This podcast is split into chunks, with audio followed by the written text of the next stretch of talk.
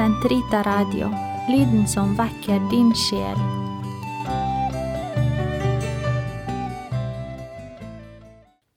Den katolske kirkes katekisme, uke 39, mandag 7.17 til 7.26. Kristi ånd i tidens fylde. Johannes, forløper, profet og døper. Der var en mann sendt fra Gud.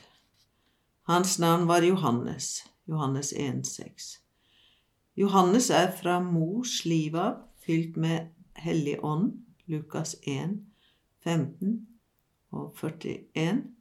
Ved Kristus selv, som jomfru Maria nettopp hadde unnfanget ved Den hellige ånd. Marias gjesting hos Elisabeth ble derfor Gud som gjeste sitt folk. Lukas 1, 68. Johannes er Elias som skal komme. Matteus 17, 10-13. Åndens ild bor i ham og får ham til å gå foran Herren som kommer. I forløperen Johannes fullfører Den hellige ånd og gjøre folket rede for Herrens komme. Lukas 1, 17. Johannes er mer enn en profet. Lukas 7, 26. I ham fullfører Den hellige ånd og tale ved profetene. Johannes avslutter rekken av profeter som begynte med Elias.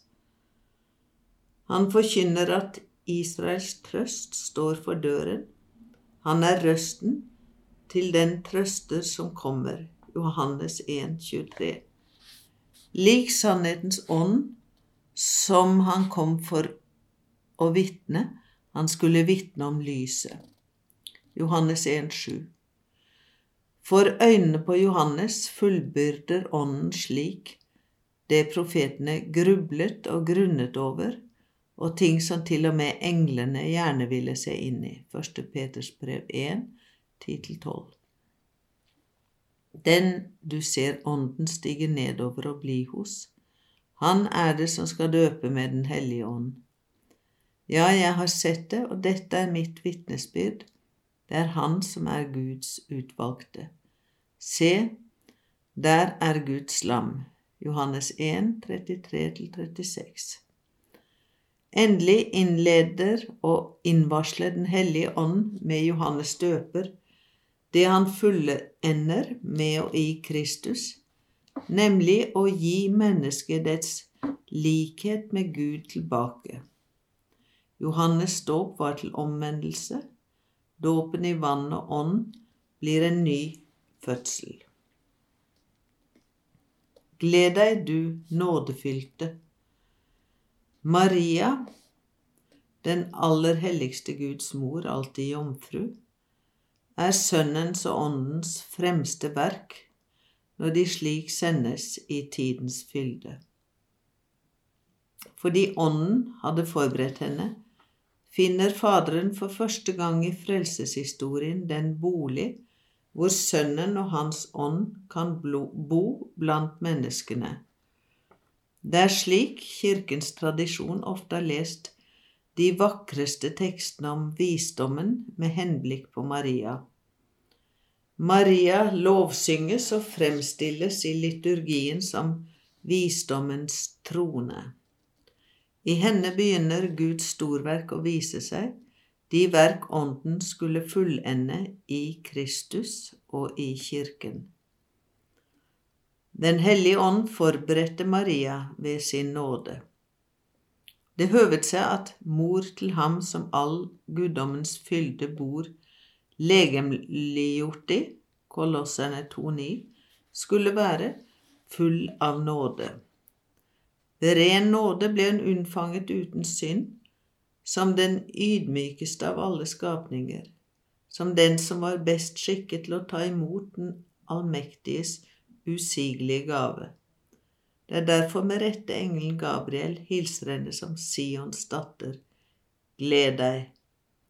Det er hele gudsfolkets lovsang og derfor hele kirkens hun lar stige opp til Faderen i Den hellige ånd i sin lovsang, mens hun er svanger med den evige Sønn. I Maria virkeliggjør Den hellige ånd Faderens frie beslutningsråd. Det er med og ved Den hellige ånd jomfruen unnfanger og føder Guds sønn. Hennes jomfruelighet blir til enestående fruktbarhet ved åndens og troens kraft. I Maria åpenbarer Den hellige ånd Faderens sønn, blitt til jomfruens sønn. Hun er den sluttgyldige teofanis brennende busk. Fylt av Hellig Ånd viser hun ordet frem i kjøds skrøpelighet, og det er for de fattige og folkeslagenes førstegrøde hun gir ham til kjenne. Til sist begynner Den hellige ånd i jomfru Maria å føre inn i samfunn med Kristus de mennesker som har Guds velbehag, og det er alltid de ydmyke som er de første til å ta imot ham. Gjeterne, de vise menn, Simeon og Anna, brudeparet i Kana og de første disiplene. Henimot slutten av denne åndens sendelse blir Maria kvinnen, den nye Eva som er de levendes mor, mor til den hele Kristus. I denne egenskap er hun er til stede sammen med de tolv, som alle som en fortsatt, fortsatte trofast å komme sammen for å be, apostelgjerningene 1.14. I de siste tiders gryningstime som Ånden innleder pinsedagsmorgen ved å gi Kirken til syne.